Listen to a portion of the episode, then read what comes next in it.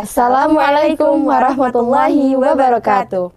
Innal hamdalillah nahmaduhu wa nasta'inu wa nastaghfiruh wa na'udzu billahi min syururi anfusina wa min sayyiati a'malina may yahdihillahu fala mudhillalah wa may yudlilhu fala hadiyalah.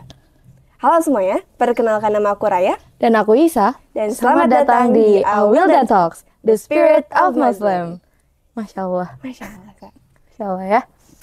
Eh, Sa, Gimana? Kamu tahu nggak sih Kak Dena Dena Haura yang istrinya Kahawariun. Betul, bener banget, bener banget. Beliau tuh kayak, Masya Allah banget ya sih. Udah cantik, pinter agama, jago bisnis. Itu kayak such an incredible woman banget kan. Iya, Masya Allah ya. Tapi kamu tau gak sih, Kak Dena ini sebenarnya udah berhasil membangun personal brandingnya beliau gitu. Sebagai muslimah gitu maksudnya. Betul, iya. Hmm. Nah, di episode kali ini nih, kita akan mengulik-ngulik dan ngobrol dengan judul Inilah Muslim. Aduh, inilah muslim maksudnya. Inilah Muslim. Yang gimana nih? membangun personal, Personal brandingnya branding. seorang Oh. muslim gitu. Karena ini sebenarnya jadi topik yang sering banget ya aku dengar. Tapi sebenarnya arti personal branding itu apa sih, Sa? Arti personal branding nih. Kalau angkatnya ya dari KBB itu sesuatu stereotype atau persepsi orang tentang kita. Misalnya orang suka marah nih, dia akan dijulukin, oh dia nih si pemarah gitu. Oh, akan dicap gitu ya. Hmm, dicap dari akhlaknya, gitu. dari sesuatu yang sangat melambangkan dia. Nah itu sih sebenarnya tentang personal branding gitu. Tapi aku jadi kepikiran deh, kalau orang mau membangun personal branding, kan harus dipublish gitu ya. Nah, itu bisa menimbulkan rasa sombong gitu gak sih? Sombong. Mm-mm. Mungkin bisa sih teman-teman. Karena ketika kita tahu bikin our own personal branding yang kayak ini tuh kita banget gitu. Dan misal orang kayak memuji kita kayak ih misal ih Karaya keren banget sih gitu. Udah rohis terus masya Allah menutup aurat dengan sempurna gitu. Pasti kadang sengaja terbesit di hati kita tuh kayak bangga. Ih aku dipuji orang ya gitu. Iya, Dan tanpa kita sadari yang awalnya hijab syari ini hanya untuk Allah jadinya untuk dipuji orang. Tuh, jadinya yang awalnya mau dapat pahala jadi nggak jadi nih. Ya, Dan sayang banget ya. perasa iya dan perasaan sombong itu juga bisa jadi ada perasaan ria, sombong dan banyak orang yang nggak tahu bahwa syirik kecil tuh salah satunya ria. Oh, jadi Ria itu udah masuk syirik kecil ya? Iya. Tanpa orang sadari ya, bahaya banget nih. Dari satu perasaan yang awalnya cuma terbesit lama-lama jadi besar jadi pengaruhnya ke orangnya. Gitu. Kok bisa kayak gitu ya? Iya, banyak hal kecil yang kita tanpa sadari itu kita rasakan terus kita ignore aja gitu. Tiba-tiba udah besar aja. Kayak ibaratnya api kompor yang kita tinggal di Rumah. dapur gitu ya. Hmm. Itu misalnya kita kecil nih, kita lupa gitu buat matiin. Eh, tahu-tahunya udah kebakaran aja. Itu dari hal yang kecil tuh. Tanpa kita Makanya, sadari ya. Mm-mm, makanya kita tuh harus hati-hati sama hal kecil yang kita lakukan karena efeknya bisa besar dan nanti kita nggak tahu apakah itu kebaikan atau keburukan. Gitu. Bener juga ya, Sa. Iya. Kalau misalnya kita nggak hati-hati gitu akan perbuatan yang kita lakukan, itu bisa mendekatkan kita dengan ria gitu kan ya? Mm-mm, bener. Bahkan Allah menyebutkan tentang re ini dalam surat An-Nisa ayat 142. A'udzu billahi minasyaitonir rajim. Innal munafiqina yukhadi'una Allah wa huwa khadi'uhum wa idza qamu ila salati qamu kusala yura'una an-nasa wa la yadhkuruna Allah illa qalila. Sesungguhnya orang munafik itu hendak menipu Allah, tetapi Allah lah yang menipu mereka. Apabila mereka berdiri untuk sholat, mereka lakukan dengan malas. Mereka bermaksud ria ingin dipuji di hadapan manusia. Dan mereka tidak mengingat Allah kecuali sedikit sekali. Jadi sebenarnya mereka kalau depan orang mungkin kayak soleh gitu ya. Padahal kalau sendirian ingat Allahnya dikit banget. Tahu ya. Iya. Jadi salah satu yang tadi aku bilang, kadang perasaan kecil ini suka kita sepelein. Sesungguhnya ini pernah dibahas sama Abu Ma'mar. Dari Abu Ma'mar, eh, ia berkata, ada seorang pria berdiri memuji salah seorang gubernur, Miqdad Ibnul Aswad. Lalu menyiramkan pasir ke wajahnya. Dan apa yang ia katakan? Amrona Rasulullah Sallallahu Alaihi Wasallam an-nahsiya fi wujuhil maddahin maddahin turab kami diperintahkan oleh Rasulullah Sallallahu Alaihi Wasallam untuk menyiramkan pasir ke wajah orang yang memuji. Saking bahayanya kita memuji orang. ya. Saking bahayanya gitu. Bahkan saking bahayanya tentang larangan memuji depan orang gitu takutnya ada ria dan lain-lain sampai Imam Nawawi itu bikin bab sendiri nama babnya larangan memuji orang lain secara berlebihan dan dikhawatirkan menimbulkan fitnah yang dipuji. Satu perkara aja dibikin satu bab tuh ya. Iya, berarti itu saking urgentnya untuk dibahas tuh. Gitu. Oke oke oke. Jadi two point that I mention di kata-kata kamu tadi tuh kalau ibadah harus lillahi ta'ala, nggak boleh karena mau dipandang orang or something like that.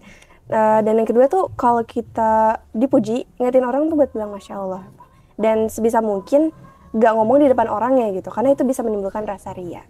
Dan fun fact kalau misalnya kita bilang, aduh nggak deh aku takut ria, itu tuh udah termasuk ria. Jadi hati-hati ya teman-teman. Tapi sa, hmm? gimana sih cara kita tuh membangun personal branding sebagai muslim yang elegan gitu, yang kece? Aduh, gimana cara apa build personal branding? Personal branding, iya. Kalau kita bicara nih tentang gimana caranya bikin personal branding, maka ambillah contoh dari ahlinya, yaitu Rasulullah Shallallahu Alaihi Wasallam. mah nggak usah diragukan lagi deh. Nggak gemen-gemen. Contohnya gemen, Rasulullah gitu. Karena Rasulullah tuh dari dari Rasulullah masih remaja sampai Rasulullah wafat itu benar-benar contoh dari akhlaknya Al-Quran gitu. Hmm. Contoh kayak ini nih kesuksesan yang masih dalam ridhonya Allah gitu. Jangan hanya mau bilang sukses, jangan mau bilang keren, tapi nggak sesuai dengan ridhonya Allah buat apa gitu. Buat apa? sia itu. Sia-sia. Emang Rasulullah SAW ini udah masya Allah lagi lah intinya ya. Hmm. Tapi orang tuh banyak sekarang yang nyari idola tuh kayak filosofer atau ilmuwan gitu. Padahal di depan kita tuh ada ada Rasulullah yang jelas banget that he is the ideal human being gitu and the greatest person in the history. Itu kan tadi Rasulullah ya. Hmm. Kalau dari kamu sendiri, kamu punya nggak kisah yang di mana si tokohnya ini tuh memiliki personal branding yang bagus gitu kayak uh, he can build up his personal branding. Kayak it's inspired me a lot gitu ya. Gitu. Sebenarnya ada ceritanya sih. Ya. Betul. Ada ceritanya.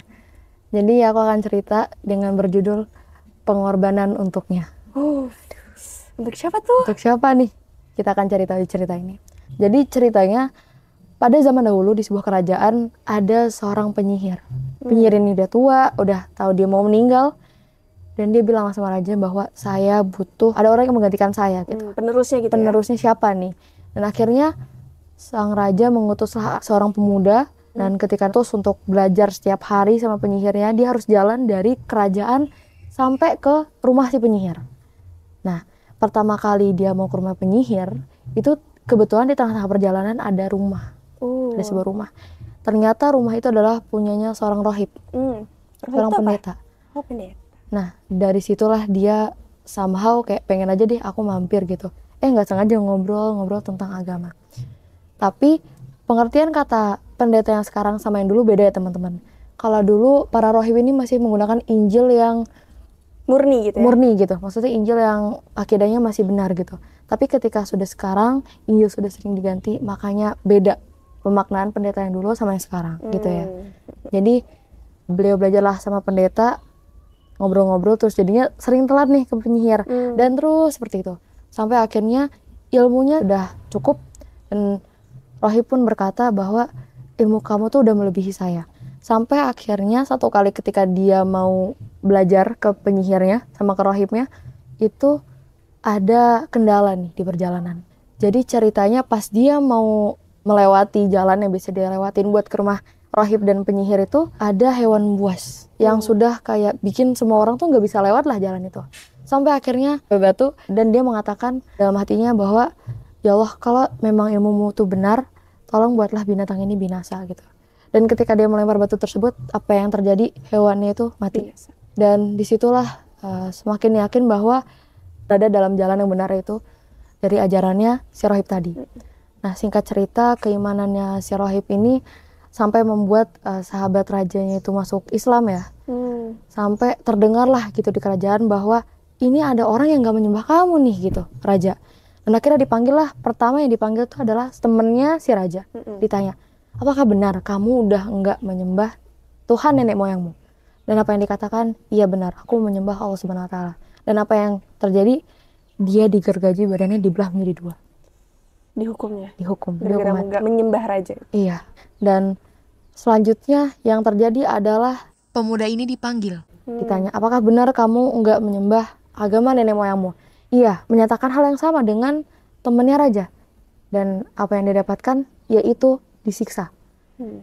Tapi sebelum dia mau disiksa, dia ditanya, kamu dapat pelajaran ini, dapat agama ini dari siapa sih? Gitu.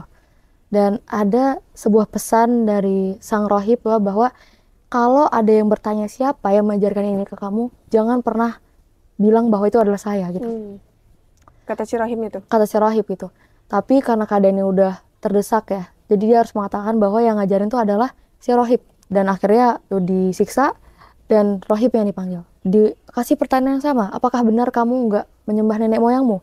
Dan yang dikatakan, benar, aku hanya menyembah yang hak yaitu Allah Subhanahu wa taala. Lalu udah dihukum yang sama. Lalu dibalikin lagi nih, panggil lagi. Apakah kamu masih nggak percaya sama agama nenek moyangmu? Hmm. Dan dia masih menjawab hal yang sama. Dan apa Masih yang di gitu ya? iya, masih teguh dalam imannya. Dan apa yang dilakukan sama raja tersebut, dia menyuruh prajuritnya untuk membawa ke atas gunung. Hmm. Hukumannya adalah didorong dari ketinggian gunung Dijatuhin gitu. mau dijatuhin dan sebelum itu mau dijatuhin uh, dia berdoa sama Allah ya Allah uh, cukupkan aku dengan kezaliman mereka gitu dan apa yang terjadi gunungnya digoncangkan Hmm. sama Allah dan yang tersisa adalah selamat Cuman sendiri tuh. Gak ada jadi prajuritnya semuanya jatuh mati Hmm. lalu kembali lagi ke kerajaan kembalinya dia ke kerajaan itu membuat Gempar gitu ya. gempar ya jadi Mana prajuritnya? Dan akhirnya ditanya sama uh, raja, kamu apakan prajuritku? Hmm. Intinya uh, dia minta tolonglah kepada Allah Subhanahu Wa Taala gitu. Dan akhirnya ditanya apakah kamu mau ikutin ajaran nenek moyang, dia masih nggak mau. Dibawalah lagi ke tengah laut sama prajuritnya menggunakan kapal. Dan ketika tenggelamkan, apa yang dikatakan ya Allah cukupkan aku dan kezaliman mereka. Lalu apa yang terjadi? Kapalnya tenggelam dan juga prajurit itu juga tenggelam. Dan ketika dia kembali, rajanya tambah heran lagi. Ini sebenarnya gimana sih? Kok orang ini nggak mati-mati gitu? gimana sih? Iya. Dan akhirnya uh, dia tanya, kok bisa ini prajurit saya kamu apain gitu? Saya hanya meminta pertolongan kepada Allah Subhanahu Wa Taala. Lalu kasih bocoran. Apakah kamu tuh mau membunuh aku? Hmm. Lalu mengatakan bahwa kalau kamu mau membunuh saya, Pertama, ikatlah saya di pohon. Kedua, kumpulkan masyarakat kerajaanmu. Ketiga, panahlah aku dengan busur panahku. Lalu keempat, berdoalah. Bismillah ya Rabbil Ghulam. lalu akhirnya dilakukanlah sesuai dengan prosesnya dan mereka semua mengikuti uh, doa yang natakan dan dilepaslah busur tersebut. Dan apa yang terjadi? Tinggal dalam keadaan uh, syahid gitu ya. Dan mengejutkannya adalah ketika meninggal yang terjadi adalah semua masyarakat yang nonton itu masuk Islam. Wah. Dia mengatakan bahwa saya mau menyembah Tuhan yang uh, di busur ini dan mungkin bagi yang nggak tahu cerita ini tapi mungkin tahu suratnya ini kisah dari surat Al-Buruj Al-Buruj tuh Sa. yang sering kita hafalin, sering kita baca juga. iya mungkin teman-teman udah hafal tapi nggak tahu ini kisahnya ada di surat Al-Buruj Ternyata Kayaknya. ya. keren ya Emang itu sih personal branding yang sebenarnya ya Yang sebenarnya nih. yang sebenarnya bisa dicontoh dari saking beliau nih beriman gitu kepada Allah. Hanya satu kejadian saja membuat semua orang di kerajaan itu atas izin Allah ya Mm-mm. beriman. Oke, masya Allah ya sa. Ternyata ih, kita bisa banget loh mengubah cara orang memandang kita dan menyebar hal positif di sekitar kita itu dilakukan dengan cara personal branding ini. As uh, Isa mentioned before, Rasulullah itu udah perfect banget lah istilahnya untuk kita jadikan contoh dan jangan lupa juga untuk menjadi diri, sendiri, dengan versi, terbaik, Masya Allah. Masya Allah. Mungkin itu teman-teman yang bisa kita sampaikan. Semoga apa yang udah kita obrolin tadi nih bermanfaat buat teman-teman semua. Sekiranya ada salah, yang tersebut datang dari kami dan syaitan, sedangkan kebenaran hanya dari Allah Subhanahu wa taala. Kita tutup dengan kafaratul majelis. Subhanakallahumma wa bihamdika asyhadu an la ilaha illa anta astaghfiruka wa atubu ilaik. Assalamualaikum warahmatullahi wabarakatuh.